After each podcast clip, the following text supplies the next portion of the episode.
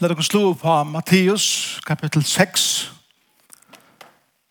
Og vi skal lese fra vers 5 til og vi 8. Matteus 6, vers 5.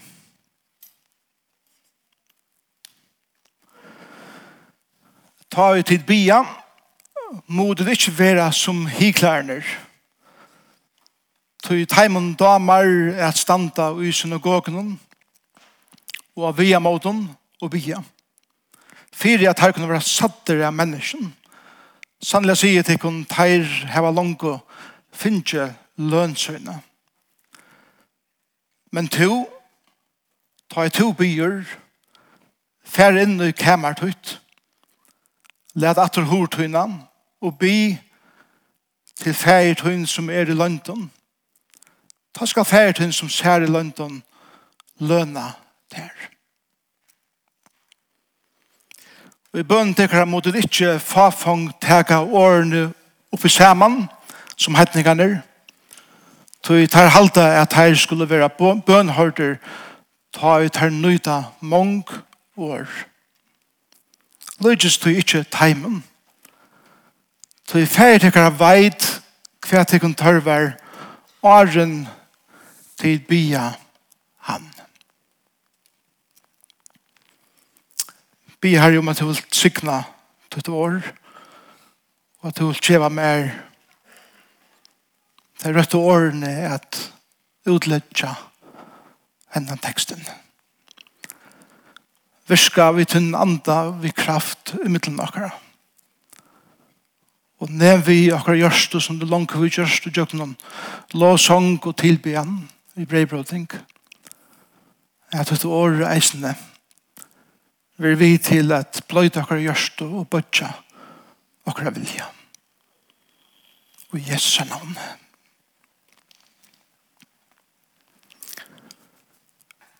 Ta og jeg var tølvare gammal gavs det jeg bia. Gavs det jeg bia som tølvare gammal. Gavs som 12 år gammal miste jeg avlede av gode.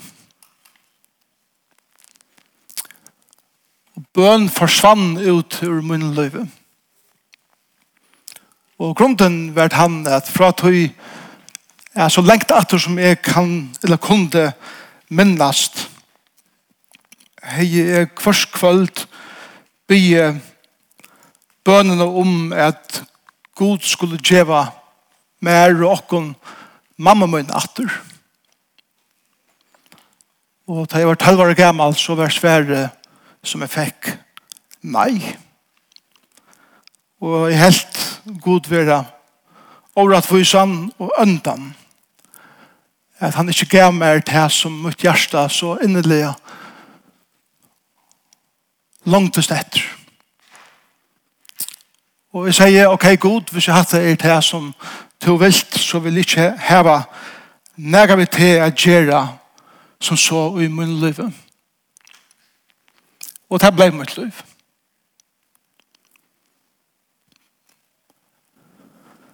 C.S. Lewis sier så leis i bogen i Kjøsar, The Great Divorce. Han sier så leis, at i livet så er det anten så leis. At god sier vi til være viljetøyen etter at hun sier vi god være viljetøyen og i det fyrra sier C.S. Lewis være avlangen tann at hun vil rekla kostnar mykjel og og alle rundt om til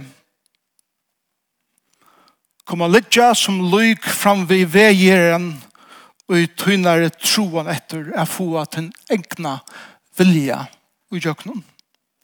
Og til settna, sier han, ta to sier, vi er god vil vilje tøyn, så sier han, og til settna, for så var smakka nega av tøy som det betyr, er vera skapter og i bøylade gods, inn og i vilja gods, fyrir det tøyne løyve. Ærlig og åpen om hvordan løyve ser ut.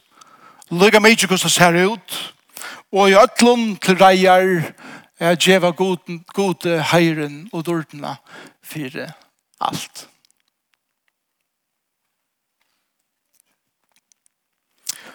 Ta jeg hitje at min nekna bønna løyve og i det og som det her er kjent min, min løslei uh, i nå mange år, tar jeg ikke ærlige. Og i ljøsen av hesen teksten som er framfor jeg kunne det, så må jeg si at mitt bøneliv er ekvelig vanaligt. ekvelig kaldt. ekvelig vekt ekvelig kjølsøkje. Da jeg Hittje verlig at mine bønnen, så snøyra seg om i mine liv at få at her fra gode som jeg helst vil heve at han skal djeva mer. Og at sikna at her som er ferdig under å gjøre og at vera vi i ødlund her som er og nær mine hjerte. det er et grunt fatakt bønaløv Jeg flikker en ekv. Hver jeg fyrir åren for jeg flå, så blir jeg herren, det må stå. Leta meg komme flå og lente atter i ødlån gåen. Hver jeg fyrir bensje fyrir at dere feiler meg likhamnen, så stender ikke av at bia til herren. Hver jeg fyrir suttje omkring mine kære og fyrir jeg jøkken mågångt Så litt jeg knøven om færre, for herre skuld til at herren skal bjerke teimen og åkken på sjur støvene. Så kjøtt som mine bøtten ikke livet på den maten som jeg er yngste levde, så blir det god om han skal brøyta tarra og tog at til skam fyre med. Og ta ikke at min egna bønneliv. Så er det å veikt.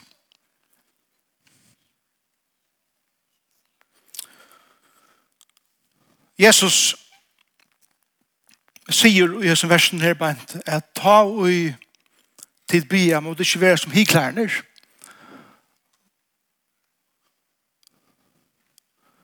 Han sier bare nok til farsierne tog jeg døme som han gjever. at her standa i synagogen og tar ute av gøt og torgon så suttjast der. Hugsa så det kunne ta ver bø av ve av bønamøte, men, men tar vil du så gjerne at suttjast er folkon av ve av bønamøte, at tar stilla oss opp på gøtene her bia, så folk kunne se wow, fantastisk tider andalir. Og innan ui var det bare ein troan, Og det var antil at Gud skulle svære tarra bønnen for at tarra kunne blomstra, eller at mennesker kunne være imponeret i av hvordan antallir tarra så ut. Og Jesus kallar det for hyklarer. Året hyklarer av greskene er året hypokritos. Og det er ein som er falskur. Det betyr faktisk at det har et dobbelt anleit til ein personer som gonger vi en jekka skorsten. Vi kjenner det fra Siskus gjør det sted. Klovnene kom ut ved sånn store smilen av skorsten og så kjøs hun å tekkene ned og så får moren hinner ved inn. Og det stender nok ikke vel til at den var skorsten som skorsten ser ut til et strala. Det er at leda um, som om at vera nekas åttan og som man innan ui ikkje velja er. Og Jesus sier at, at ta vi, vi røyna at, jeg bæra skorsten og vi røyna at imponera folk vi okra andalighet eller hvordan det kommer så ut så sier han vi okon at hvor skal jeg Hvor skal jeg gjøre at her, det som du vil heve, ta i det som du søker, er ære og tilbjørn fra mennesken. til å langt finne til å løn, og du har forstått ikke mer fra mer. Til at du fikk det og du tror jeg etter. Og det var å være lovprys av vår og beundre av vår av mennesken. Gjør så vel. Men ta og i hitja disse teksten og nærre, så halde jeg ikke at Jesus peikar okkon av noen mennesker som vi skulle hitje at rundt om okkon og sier du må ikke være som teg. Det er alltid øyla lagt å finne okkon rundt om meg som, som er en løsender verre enn jeg er. Og tog kan jeg si hvor godt er det ikke det er som teg, eller fettelig som og fettelig som teg. I alt dette som Jesus sier, er til at det ikke bare er noe slø av mennesken utenfor det som til ikke er, men er at potensialet for at være en hiklare ligger innan noe. Det ligger inne i meg sjølven. Jeg være ein som elskar å være satter av mennesken og få mina lovprysene fyrir til. Alt det som Jesus vil ta seg om i kapittel 5 Alt det generella som han har tagit om i kapitel 5 vi er nå tidsen nere til personliga i kapitel 6. Først hvordan jeg kjennes med som en, en, en person som, som djeve, almoser og så videre som Billy tar seg om. Men eisen tar det kommer til mitt privata bønaløy som er gode. Nå, Jesus tar seg ikke imot at jeg vil eh, til et allmänt bønamøt. Bøydelen er fotlig av tog. Men det er mer attitydan Hvordan jeg er det har i folk som med utføra mina, mina andalige og tjenester. Allt det som han tar seg om i kapitel 5 hever sina røtur og i sjålsøkne. Det hever sina røtur og i sjålrattvise og i sjålvorientering eller vende ødelen mot mer og eisen i sjåltrykkleika. Han sier at grunnleggjande er hoveren er drepa og mer. Grunnleggjande er hoveren til gyrnd og mer. Grunnleggjande er hoveren til skyldna, er færa fra taimun som, som gjerra mer løyvi over heilet og i mer. Grunnleggjande er til at likva og at akæra og at heta og i mer. Og han sier at løsnen fyr hæsen og i mer som heter halte vil bæra vunnen av egnen sted og til knøvene. Men til å knøvene vi en røtten hukkbore til høyre Jeg vil åpen om den brådeleikene som er i mer, om det potensialet som er i mer. Men trobeleikene tja mer kosjer, og jeg halte at det nok eisende trobeleikene tja øtlån, er til at ta vi bia, ta vi der saman, som det er i morgen, ta vi synja lovsang, ta vi tega breinon, ta vi tåsa at han var saman vi kan annan, så vil jeg være fram, som om vi er fotlo i karleika, fotlo i eimleika, fotlo i reinleika, fotlo i sjolv opp, opp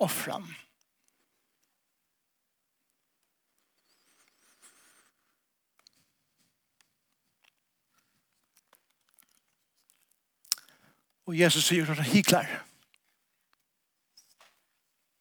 Det er ikke det vi ikke har karlæka, Det er ikke det heva rein øyder økker løyve. Det er ikke det er sjálf opp og offrande ved kors for ånder.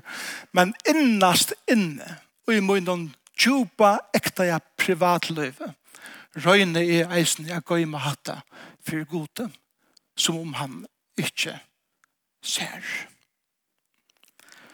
Og ta og jeg, jeg og videre er ærlig om hvordan akkurat bønaløyve jeg kjennest, eller hva jeg kjennest det av, så ligger det ui okken ødlun, jeg sier vi god, jeg vil skapa min egna realitet. Jeg skal roa fyrir hvordan mitt liv skal sutja ut. Jeg vil hava mina dreymar og min vilja fyrir mitt liv. Jeg sier god, jeg vil eisen skapa min egna identitet. Jeg vil skapa meg et navn, jeg vil skapa meg et omdømme min karriere. Jeg sier god, jeg vil skapa mer min egna tryggleika. Vil du sikna det? Det er trygga som jeg skapa meg rundt om meg. Karman er for tryggleika i min liv som til dømes. Mine pengar og mine åkner. Som jeg bytter meg til opp, vil du sikna det? Så det er fra min vilja og i kjøkkenen. Og god, jeg vil hava kontroll av min egna livet Jeg vil kontrollere så nekvann hendingen om min liv som jeg kan. Og vi har som livstøylen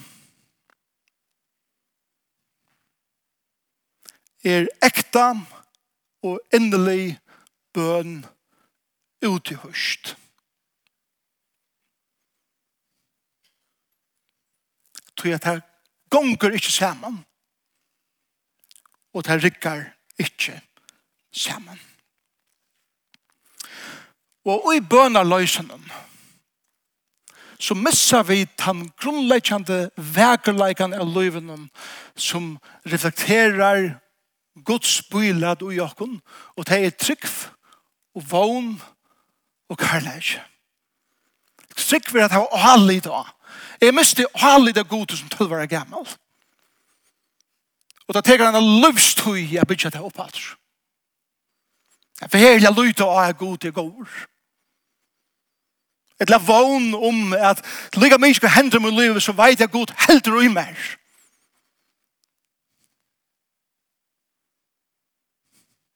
Og tar man iva så teimbaven, så er det torrførst at elskar noen annan enn seg sjølvan. Faktisk, ikke en gong seg sjølvan.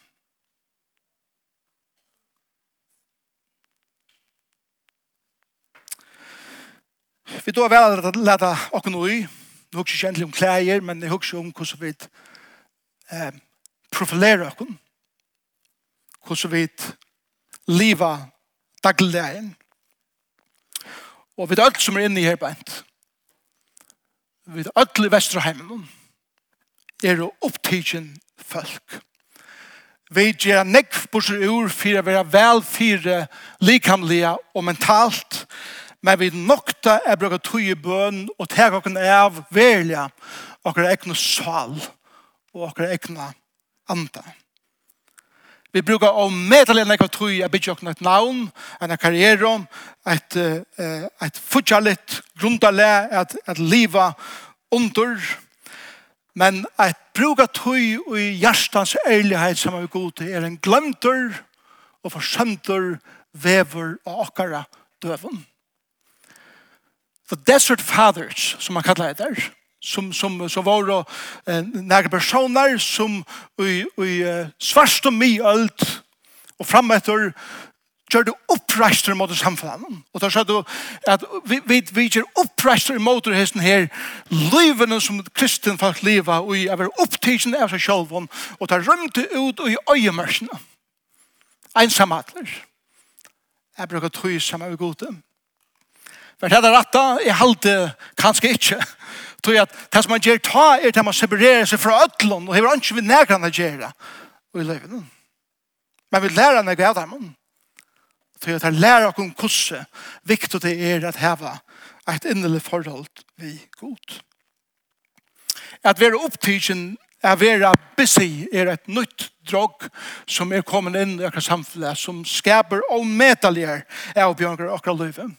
Det brukar året arbeidsnarkoman. Og hvordan mange av dere er ikke det. Det er mat til å renne undan med den innere øtta. Og med den innere bråtenleika. Og røyna gøyma det vi at renne etter å skapa meg et image. Helsa et image som fer annor ta et hitje at munnen løyve. Jeg føler jeg som drar øvund. Jeg ha haft det her som to hever.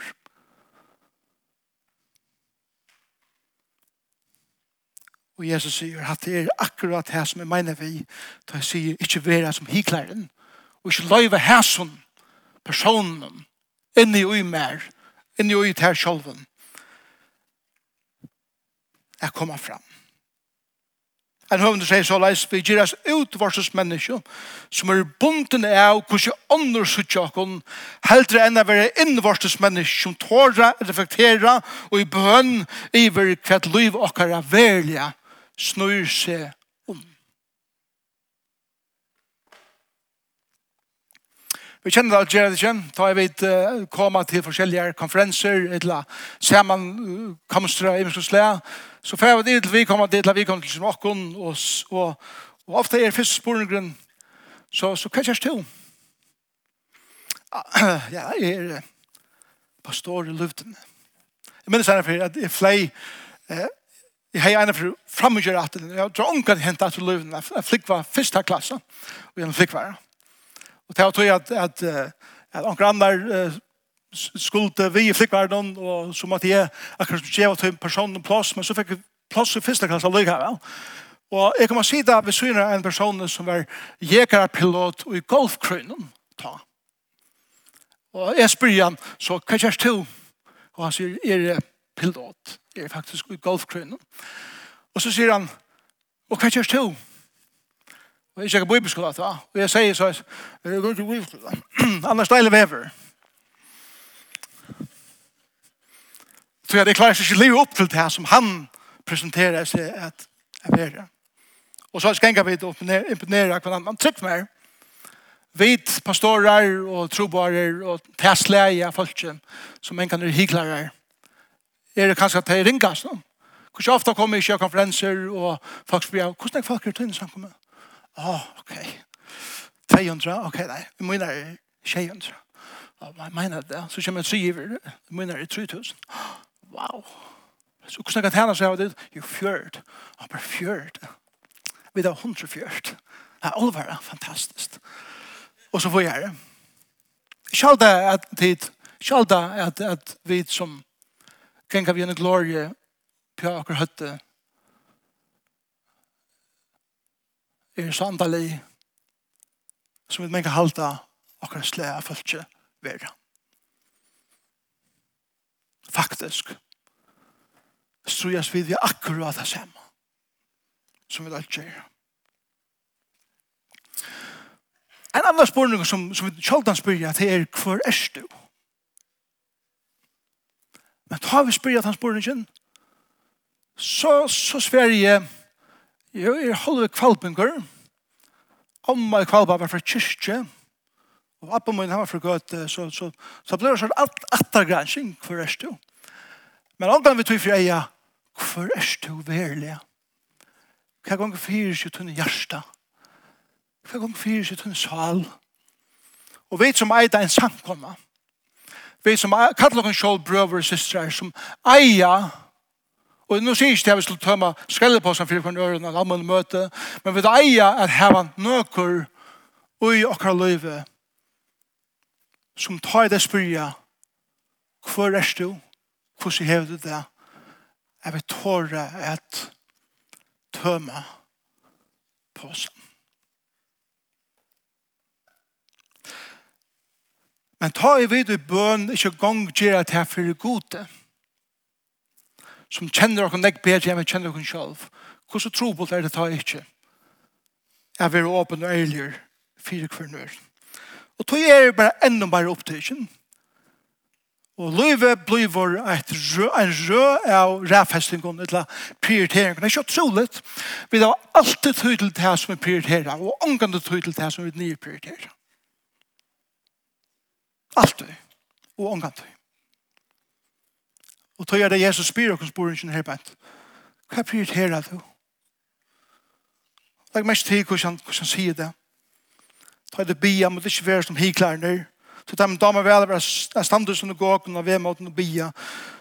Og det er damer vel å være sattere av menneskene og tar få sånne løn. Men to, ta i du bier.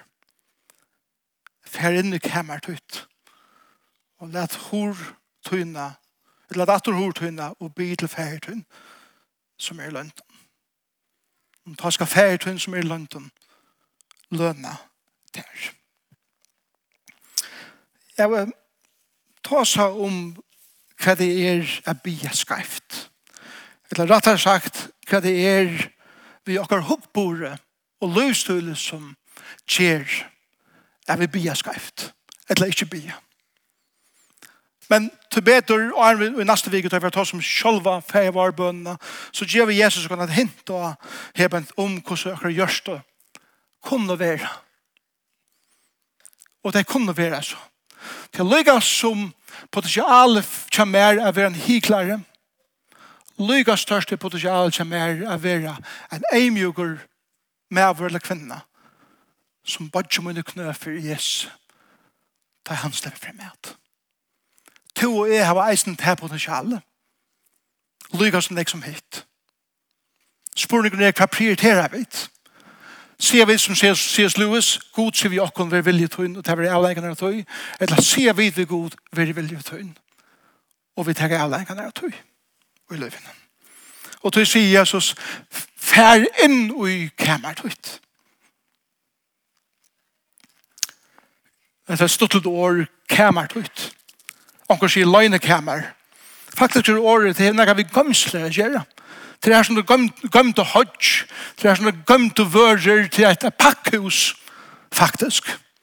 Til det er sted som, som, som uh, polterrummet, kallar vi det eisne. Et la et sted som her som årut var gømt. Jeg vet ikke tid her, var det, men ofte at gester koma, så er det øyelig godt at her heva skapet til rum hver alt året over blæken og i. Så er det at gesten kom, så kunne jeg sige, wow, til rådløs at ikke Og så hokser man snet og kvarje for vidtid, så kan alt for å bo i hætta rummet. For ångat inn her. hva blir det her til? Det som Jesus sier vi okken her beint, er ikke endelig at selv om kan godt praktiseres, og jeg vet det som som gjør at jeg fer inn i et rom som de får fri og til rett, som et hendret til oss, og, og alt gjør seg klar, og her blir det til herren, og det er godt. Men det som Jesus velja sier er til at fær inn i skramblerommet Det er årutlige. Det er som du har gøyma. Det er rommet inni tunne hjärsta. Og åpna det opp.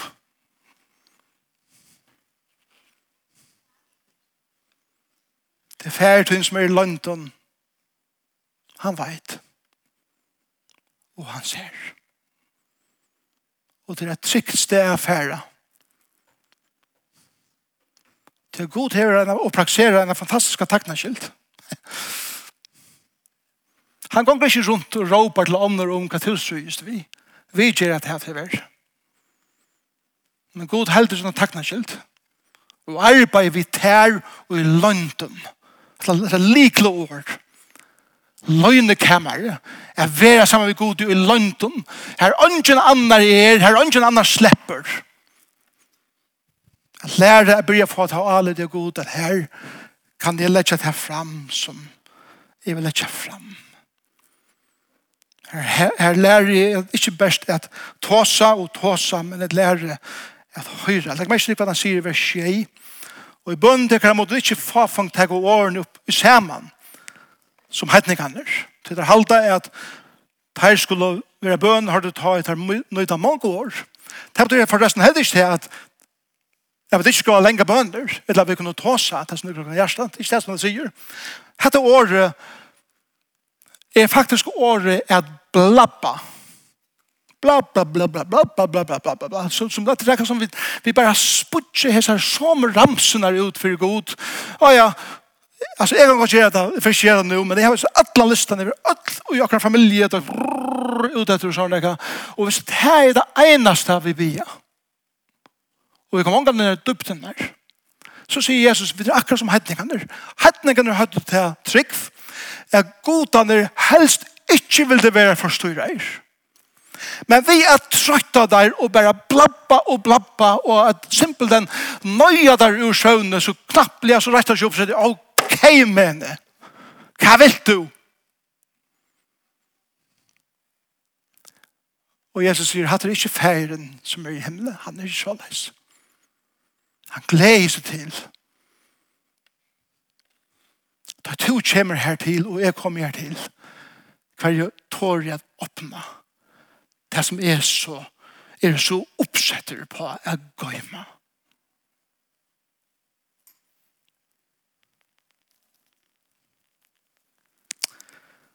Herren vil ha mitt hjärsta, og æren han er en sever få min munn.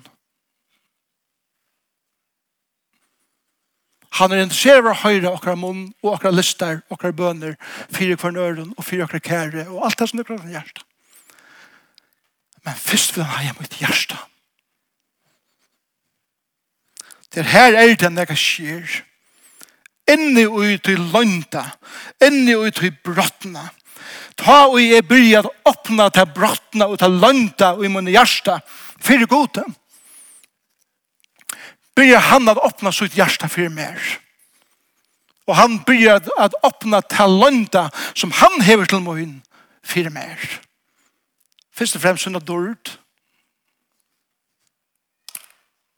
Hvor sier dørt? Tøy at det er smeir at tøy til å bruke sammen med gode og er åpen og ærlig. Det er smeir av Guds vekt kommer inn i tøyt liv. Og det er dørt. Og det dørt betyr vekt. Slagkraft. Folk som ångar ikke bønner vil heva, og røyna sya et eller annet ut i andalige perspektiven og heva unga slagkraft. Vi kunne sya nekv, vi kunne bevega okkur nekv, vi kunne imponera folk og nekv, men ut i lenga løpen er ungen verlig slagkraft. Ungen verlig brøyding. Og ta i god byrjar åpna sina løndardomar og dord fyrt her, som kommer om man iver til, så via du meir. Og kraften ut i slæget være tingre. Og det er det som Jesus lærer oss. Men det er bare en vever, og det er bare eit, Og det er at bøn er speilen i okra sal. Og for jeg klarer at suttje okra sal om for det som verlig er, så er det eit som gjør okkar styrkene til å bæra det. Og det er ei mjugleidje. Ei mjugleidje. Jeg vil glede ikke være ærlig om hver og jeg er. Ærlig og åpen om hver og Jekvan Zakariasen er. Ikke til han som du sitter skjermen om. Ikke til han som du leser om i boken om. Ikke til han allmelle personeren Jekvan Zakariasen, men til han private smattene, brottene, men kan tunglemte, Jepan Sakriasen. Som strøyest vi alt møvel til løyven. Bæra eimjugleis kan bære det. Jeg vil ærlig om hva det er som er må ma færre god vi til det unge er som er færre og den er bråd til rundt om meg. Ein sier så såleis at eimjugleis er moralsk realisme. Jeg suttja seg sjálvan fyrt han er er en veikur, syndigur og hjelparsleis personer som korsene er vekur og sterskur og nomen av gode, men har bruk for hjelp. Ein som tåra sida navn og sina troan er bara sattra mennesken. Ein som tåra sida navn og sitt arbeidsnarkomani og ein som tåra sida navn og ens egnu troan etter tikkleika identitet og kontroll. Legg meg ikke til hva han sier i vers 6. Ta skal ferie til hun som ser i London lønne her. Jeg elsker hatt her. Minst første for hatt her ikke for meg. Legg meg ikke til hva han ikke sier. Han sier ikke så skal fære til hun som er i London svære der. han sier han skal lønne der. Og det er sånn vekk folk som er tar og vi som sier at han ikke er jeg ber eller god til jeg sverer ikke mine bønnen. Ja, men han er slett ikke interessert av hva jeg sverer der. Han er bare interessert av hva jeg lønner der. Bare for jeg kommer.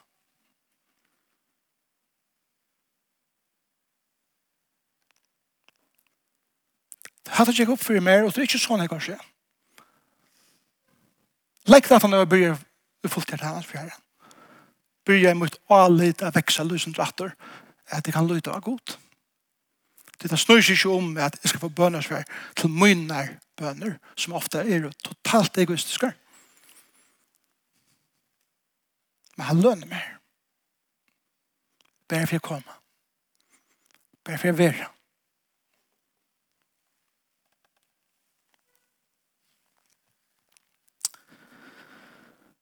Og så kommer vi til vers 8, og jeg skal enda her. Lujus tog ikke teimen, altså hetningen og heldur ikke hiklaren. Det færre tekar av veit hva tekun tørver, åren tid bia han. Jeg elsker eisen hatta vers. Tog er at verset sier ikke, og færren veit hva tid vil jeg heva åren tid bia han. Det sier verset ikke. Han sier, han veit hva tekun tørver, åren tid bia han vi gjør når ørnåren, for jeg sitter her som er versen sammen, han skal lønne noen, han veier noen tørver, så, er, så betyr det simpelt enn det, og til etter. La meg enda legge det Ta i bie, så er mine bønner så vel klattar som det kunne være, og så imponerende som det kunne ljåa, så er motivet, ta i hitja bønne hjärsta, mengan, god, hjelp to mer å skapa min egna identitet. Jeg vil bygge meg et navn, vil du sikna det. Det er min vilje. Og jeg sier vi god, god, vil du hjelpe meg, hjelpe meg, jeg bygge min egna trykla, ikke? Så jeg får i gang det samme med penger, og god, forresten, vil du sikna det? God, vil du eisende sørge fire, at jeg kan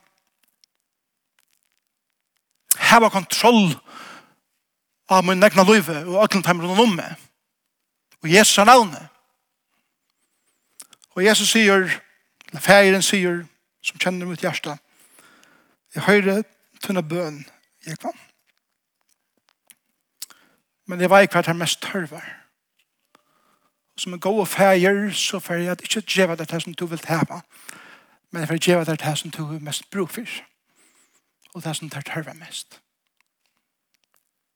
Det er mest å bøttene, det Og alle kan det gav vise etter. De mest åoppdrittende bøttene som vi sitter i oss samfunnet er bøtt som har finnet alt og sin vilja i kjøkkenen. Og foreldrene har bare sagt ja og amen til alt. Og som alltid vil har bjerga i. Alltid vil har lofta i. Alt du bronker man å slippe seg undan et hag og avbyrt. Og oppdryen bøtt.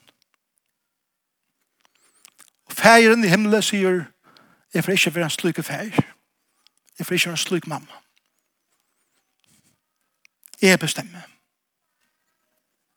Og så sier færen vi med, tar jeg bygge, jeg vann. Du ræver ikke for din egna realitet. Du skal lære deg å trakke inn i min vilja for din liv. Ja mina dreymar fyre der.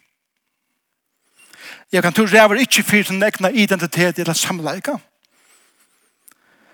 Du skal trakka inn ut hans samleika som du finner og i navnet Jesus er fyre til. Jeg kan tro ræver ikke fyre sin egna tryggleika. Tog at tøyn gjør skal trygt som du bygger av kan færa og i egnom og du missar alt og du er så fri om fattelig. Jeg skal være til en sykleik. Og jeg skal lofta der lyga mykje hva hender til en liv. Og jeg kvann, du skaber ikke, eller du hever ikke, kontroll av tunn egna liv. Du er tess meir kontroll du teker av tunn egna liv, tess meira kaos verden om det. Og tog gjør vi akkurat kontroll, akkurat maktsjuke og alt det som vi tror etter i løven, i iver til Herren. Og vi lade ham tega iver. Og så løs. Byrjar en brøyding av det framme i hjertan. Og jeg byrjar at lære at bia. Jeg byrjar at bia fra dupten og lønten og hjertan. Og jeg tror byrje å bliva som, som femte kapittel enda i vi, at han innskjer vi skulle være fullkommen, og som Paul tar seg om sista sundag, at fullkommen betyr ikke å være perfekter, det betyr å være byggven. Jeg vil bonast. Ta i Herren, gjever okken til som han herre dreimer er størst fyrir i okra løyve, og det som han veit er best fyrir okken. Og bonast skaper, ta det kommer til bønaløyv og ta andalige løyv er at ikke at livet vi tog for eie er vært satt av mennesken, men at fylltjast eimjøkt vi gode. At ikke at livet at vera så opptidgen for at nå at jeg som er vil, men heldur at prioritera til at være sammen vi gode og la det hit komme som han vil gjeva mer og i syn og maler Jeg vil åpne jotta. Jeg vil åpne fyrirgjeva. Jeg vil åpne vera rensavar. Jeg vil eimukter. Jeg vil løyen. Jeg vil styrstur. Jeg vil velleiter. Jeg vil endurnutjavar. Jeg vil inspirere vår. Og jeg få kraft. Eller dørt. Eller vekt. Til det andre løyve som vi lever. Og som vi kallar livet Så at jeg kommer til arbeids, eller at jeg kommer med mine viner, eller i mitt sosialliv, eller hva det skal være, så ta i et håse, så er det vekt i tusen du sier. Og til vekt i livene som vi lever.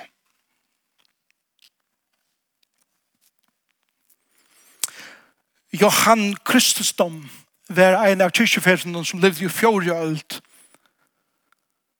Og han sier såleis, finn dittnar til hjärsta. Og to først at oppdea at her eisene er dittnar inn i rujtje gods. Og hver er rujtje gods bedre beskrivet enn i fjallatalene? I bøyblene?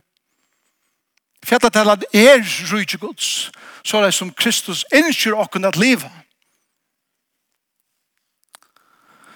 det er varbønnen som vi får ta oss om neste søndag, om Herren bøyer vi å komme, og vi livet. Det er bra av jeg som at heva mitt hjärsta ratt opp fyrir gode, så jeg sier at mitt hjärsta og mitt forhold eisne være sunt ut til mine, mine medmennesker. Fyrir det er ikke opp etter og så ut etter.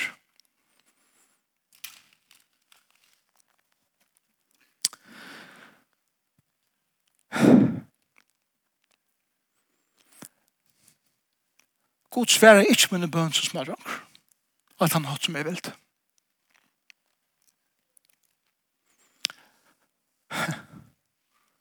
Men alt de årene som er som smådronker, mamma, jeg miste mamma da som 2 år gammel, og da jeg var 12 år gammel og svære, nei, jeg, var, i minst når jeg begynte å be seg bønene, men alt disse kvalitetene, hundra av vise bønene, lømte godt. Han lømte henne. Vi er er søv enn en tess, vi er hei vilja søv han vær. Men tå en vøker søva som sender til vittnesbord om hva fire kjøving er. Og i tog søvende som enda det er en par som minner søve, lærer jeg spekle jeg får mer og mer alit av hånden som kattler seg min feir. Som tølvare gammal gavs det jeg bia og miste alle det godt. Og det er alle det synde bedre. Jeg har lengt av VM-malen. Jeg er strøyes vi hatt min liv. Det som verre kjenner man vidt at det er en av de mest skeptiske andalige personer som er til. Selv om jeg kan stande til her sånn og proklamere Guds år. Innas inne er en djuper bærdeg i min liv om jeg kan lyde av Gud som en god feir eller ikke. Og min bøn er at jeg skal ikke dreie meg bort fra honom men helder at han skal dreie meg til han og lære han og hans affære i hjertet bedre å kjenne. Slå byen sammen. Herre, takk for at du er stå medelig medelige beinrætjen uten når. Og vi da avsannet til ekoskyr at jeg ikke er ærlig er på en bønnelivet så kan det vi bli kvarslig og velja vekkurst og velvalgt ord. Men jeg må også sanne til at motivet om min hjerte er mengan og medelige kjølsøk. Og hjelp meg her at bidja meg til å alita til. Og takk for at nå gjør det lengt liv så kan jeg peika av støv og støv hver tur og hilde meg og vurste sammen. Herre, gjør okken til folk som byrja at bya. Vi hava så nekva bya om. Vi hava sånne tørv at bya beik for seg med reisende sammen. Kraften og i samkomne er av hunker av tog. Og herre, gjer med tog først og fremst. til en nekst større bønermann enn er i det. Og i Jesu navn. Amen.